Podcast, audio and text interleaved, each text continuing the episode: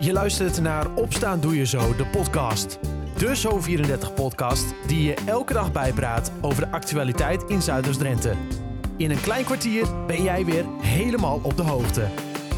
Het is donderdag 30 juni 2022. Dit is Opstaan Doe Je Zo, de podcast aflevering 219. De laatste dag van juni is er qua weer eentje met twee gezichten. In de ochtend en begin van de middag is het zonnig, met een temperatuur die snel oploopt naar 28 graden. Later in de middag ontstaan er dikke wolken waar regen uit gaat vallen, met ook kans op onweer en hagel. Daarna is het even droog en later in de avond opnieuw kans op regen en onweer. Met vandaag in het Zuidoost-Drentse nieuws. Boze boeren hebben gisteravond de A37 ter hoogte van knooppunt Holsloot enige tijd geblokkeerd. Meerdere ME-busjes kwamen naar de blokkade toe. Er zijn gesprekken geweest en toen hebben de boeren zelf besloten weer te vertrekken. Zometeen meer nieuws uit Zuidoost-Drenthe. En verder in de podcast hoor je over de aanpak van het centrum van Emme Compascuum. Maar eerst de, discussie over het injecteren van afvalwater wat voortkomt uit het pompen van olie. Inwoners van Schonebeek zijn gisteravond geïnformeerd over de plannen van de NAM om afvalwater te injecteren in de grond al daar. Nu wordt afvalwater dat vrijkomt bij de oliewinning nog in Twente in de grond geïnjecteerd. Per 1 januari zou dat in Schonebeek moeten gebeuren. Deze omwonende ziet dat wel met vertrouwen tegemoet. Omdat ik eh, zelf ook altijd bij de NAM gewerkt heb en ik weet hoe ze met de veiligheid omgaan. En ik heb er alle vertrouwen in dat hier in Schonebeek ook goed gaat. Ben je niet bang voor uh, lekkages, vervuiling, dat soort dingen? Uh, nee, ik denk dat ze het lesje wel geleerd hebben. Dus ik denk dat het nu allemaal goed gaat. Ja, hij heeft er wel vertrouwen in, maar veel andere inwoners hebben wel veel zorgen. Over vervuiling met name aan directeur Simon Vroeman de taak om daar meer uitleg over te geven. Ja, ik denk dat een van de leringen die we uit Twente gehaald hebben, is dat het ontzettend belangrijk is dat die putten betrouwbaar zijn. Dus we hebben alle bestaande putten hebben we gelogd, zoals dat heet. Dat is eigenlijk gewoon een kwaliteitsscan maken van die putten. En er blijken twee putten zeer geschikt voor waterinjectie. Maar ik denk dat we nog meer vertrouwen kunnen wekken aan de omgeving als we ook nieuwe putten zouden boren. Dus daar hebben we ook minimaal twee voor in de planning staan. Dat is nog niet helemaal zeker, maar ik denk dat dat ervan gaat komen. En die nieuwe putten worden dan ook met dikkere verbuizingen, uh, anti-roestmaterialen uitgerust. Met de allerbeste materialen om te zorgen dat die putten gewoon van de hoogste kwaliteit zijn. Precies, en dan moeten we ervoor zorgen dat we in ieder geval geen lekkages krijgen. Maar mensen zijn natuurlijk nog steeds ongerust over wat er in de bodem verdwijnt. Ja, en daar hebben we, eh, ik denk belangrijk om die, om die zorg te onderkennen. Uh, het principe waar we nu aan denken is uh, dat het water zoveel mogelijk onveranderd de bodem ingestopt zou moeten worden. Hè. Wat je eruit haalt, moet je er ook weer instoppen. Mm -hmm.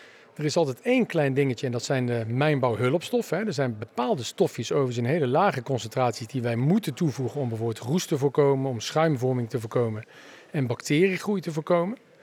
Maar daarvan willen we zo weinig mogelijk, beduidend minder dan we tot nu toe doen. En ook kijken of we bijvoorbeeld biologisch afbreekbare componenten kunnen gebruiken. Dus schoner, minder en beter. Dan hebben we natuurlijk ook nog compensatie, daar hebben we het ook over gehad. Uh, kijk, schoon, dat hier zeg maar, afvalwater de grond in kan, is één ding. Maar dat betekent niet dat de Schone Beek alleen maar de zeilen mag staan toekijken. Ze mogen ook iets verwachten in de vorm van een financiële compensatie, begreep ik. Ja, en ik vind wel belangrijk dat de Schonebekers zich eerst uitspreken hè, over, uh, over dit proces en over de vergunning hè, en of het wenselijk is. En pas daarna vind ik dat je over compensatie moet praten. Hè, om te voorkomen dat mensen ook denken van er komt iemand met een grote zak geld binnenlopen en die regelt het even allemaal. Dat is uitdrukkelijk niet de bedoeling. Maar wij proberen wel een beetje een hiaat in de mijnbouwwet te repareren. Waarbij eigenlijk uh, alle opbrengsten van mijnbouw naar Nederland gaan, naar de staat. En over het algemeen de regio's, wat uh, ja, in Groningen uh, is het gevoel dat ze er bekaaid vanaf gekomen zijn. Uh, wij willen dat proberen te voorkomen en proberen dat er meer geld in de regio blijft. En dat is dus eigenlijk het stukje maatschappelijke bijdrage die we hier ook willen leveren. Precies, u rekent net even uit het bloothoofd voor van nou, we verwachten de komende 20 jaar nog wel 1000 liter per dag uh, uit de grond te halen. En dat zou betekenen zeg maar, dat Schonebeek over nou, pakken we 20 jaar 7 miljoen euro rijker is.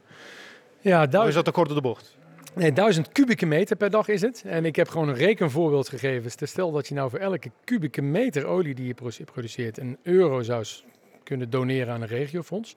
Dan moet je inderdaad aan dit soort bedragen denken. Al dus directeur Simon Vroemen in gesprek met verslaggever Rien Kort. Je hoorde veel informatie en ook wat cijfers hier en daar. Alles is nog even rustig na te lezen op onze site en in de app. Zometeen in de podcast hoor je over de aanpak van het centrumgebied in Emmekopaskum. Dat na het laatste nieuws uit Zuidoost-Drenthe. Boze boeren hebben gisteravond de A37 ter hoogte van knooppunt Holsloot enige tijd geblokkeerd. Meerdere ME-busjes kwamen naar de blokkade toe. Er zijn gesprekken geweest en toen hebben de boeren zelf besloten weer te vertrekken. Wel zijn er een paar boetes uitgedeeld. Later op de avond reden er nog trekkers enige tijd op de A37 richting Zwarte Meer. Er komt geen extern onafhankelijk onderzoek naar de gang van zaken rondom de zandwinning voor vakantiepark De Huttenheugde in Dalen. De provincie heeft daar 1,8 miljoen euro verlies op geleden. Centerparks wilde in 2018 de plas bij De Huttenheugde uitdiepen. Het zand dat daarbij vrijkwam, kon de provincie wel gebruiken voor de verbreding van de N34. Door allerlei problemen is het daar niet van gekomen en heeft de provincie het zand voor een heel goedkoop tarief moeten verkopen. FC Emmen was gisteravond op schot tijdens de tweede wedstrijd in de voorbereiding. Het won met 0-7 van Drentina. Proefspeler Lorenzo Ebicilio scoorde daarin twee keer. Bij rust stond het 0-4 voor de ploeg van Dick Lukien, die in de tweede helft aantrad met acht nieuwe spelers. Voor Lukien staat er vandaag een gesprek op de planning met proefspeler Ebicilio, die mogelijk in aanmerking komt voor een contract bij de club uit Emmen. De bloemenklok in de hoofdstraat van Emmen moet blijven waar hij staat. Dat vindt de VVD in Emmen. Het omvangrijke uurwerk staat momenteel op een plek waar een extra entree naar het Rensenpark is bedacht. Mogelijk moet de klok daarom wijken. De VVD heeft daarom een motie ingediend om dat te voorkomen. Tot zover het laatste nieuws uit de regio. Voor meer ga je naar zo34.nl of je kijkt in de app. Inwoners van Emmen Compascum konden gistermiddag in sporthal De Klabbe de plannen voor het nieuwe centrum inkijken. Met de bouw van een school, een nieuwe sporthal en 20 appartementen gaat het dorp compleet op de schop. Ook de infrastructuur verandert. Dorpsbewoners vinden de plannen nu te gevaarlijk. Maar de gemeente staat erachter. Verslaggever Bente Bronkhorst vroeg aan Erik Zennemers van de gemeente Emmen hoe concreet deze plannen nu al zijn. Uh, nou, in die zin nog niet zo concreet dat het in beton gegoten ligt. Maar we proberen hier wel een aantal reacties op te halen. Want de grote lijn is wel wat gepresenteerd wordt vandaag. En is dat, dat we dit op deze manier willen gaan realiseren. Maar goed, er zijn her en der nog wel wat dingen bij te schaven. En dat uh, overleggen we vandaag met inwoners. Ja, want het plan bestaat volgens mij uit twee delen. De bouw van, uh, van een aantal gebouwen en de herinrichting van, de, van het wegennetwerk in het dorp. Um, hoe gaat het er daadwerkelijk uitzien straks als de wegen worden aangepast? Uh, nou, het is, wat je nu ziet, de wegen is veel asfalt. En dat moeten gewoon wij, wat wij het liefste willen, en dat hebben we ook met het dorp voor elkaar gebracht, is het, het, moet gewoon een dorpse karakter krijgen. andere uitstraling, geen asfalt, maar stenen, meer toch iets meer groen, maar wel met behoud van parkeren voor de ondernemers. Gewoon de combinatie van die functies en dat de functies ook goed bereikbaar zijn. Uh, ja, je zei net wel, het gebouw uh, het is een combinatie van projecten van bouwprojecten en de herinrichting van openbaar gebied. Um, ja, dat, uh, we proberen met de herinrichting van het openbaar gebied die projecten ook aan elkaar te verbinden. En daarnaast hebben we ook geprobeerd om het, de Veenvaart, het kanaal, ook een, een prominentere plek te geven in het centrum. En wat hopen jullie nou te bereiken met al deze aanpassingen in het dorp? Een mooiere leefomgeving in het centrum van Emmen Compascuum. Be uh, betere voorzieningen, een, voorzieningen gewoon weer die, langer, uh, die een lange looptijd hebben straks en lang meegaan. Uh, in de komende jaren voor het centrum van Emmen Compascuum denk ik dat we een hele goede stap zetten als we, hier, als we dit klaar hebben. Ja, en al best wel veel inwoners zijn hier vandaag aanwezig om te kijken naar de plannen reageren vrijwel allemaal positief over ook de aanpassing van de wegen, maar zijn ook wel een beetje bang nog over de verkeersveiligheid. Worden de ideeën allemaal nog meegenomen? Uh, dat, uh, dat gaan we straks weer bekijken, want uh, ja, daar ga ik ook zeker niet alleen over, gelukkig. maar dat gaan we ook met de betrokken organisaties zoals de scholen en de, ja, de sportorganisaties, maar ook ondernemers, erkende overlegpartners zoals we dat kennen in Emmen.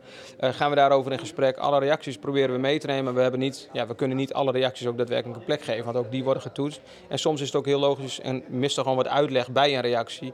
En kunnen we ook in een volgende bijeenkomst een aantal dingen ook uitleggen, misschien nog wat beter uitleggen, zodat ja, men wel de uh, misschien wel de dingen ziet zoals wij ze denken dat, ze, dat, ze, dat we ze zien. En dat het misschien wel klopt. Maar ja, we proberen wel met reacties uiteraard wat te doen. Ja, je zei het al, ook wat bouwprojecten, zoals het kindcentrum en de nieuwe sporthal. Um, die lopen niet allemaal even voorspoedig. Nou, in die zin, ja, niet voorspoedig. Ja, we worden gewoon geconfronteerd met een wat lastige bouwperiode. En dat is de levering van bepaalde bouwmaterialen. En staal is gewoon daarin het grootste probleem en is heel bepalend voor de constructie. Ja, en daar begint zo'n bouw, ja, ja, ja, daar begint zo'n bouw uiteindelijk wel mee. En uiteindelijk schuift het dan meer op. Dus ja, voorspoedig in die zin uh, niet. Maar ach ja, dat komt wel weer goed. We gaan er niet meer inlopen geval, maar ja, we proberen zo weinig mogelijk, eh, of zo goede mogelijk afspraken maken met de aannemers, zodat we er zo weinig mogelijk last van hebben. Ben jij nou ook benieuwd naar de volledige plannen, wanneer het gaat gebeuren, wat eventuele struikelblokken zijn en hoe het er nou precies uitkomt te zien? Kijk dan even op zo34.nl of in onze app. Daar vind je ook een schets van de herinrichting van het centrumgebied in Emmenkopascu. Tot zover Opstaan Doe Je Zo, de podcast van donderdag 30 juni 2022. Ik wens je een fijne dag en tot morgen.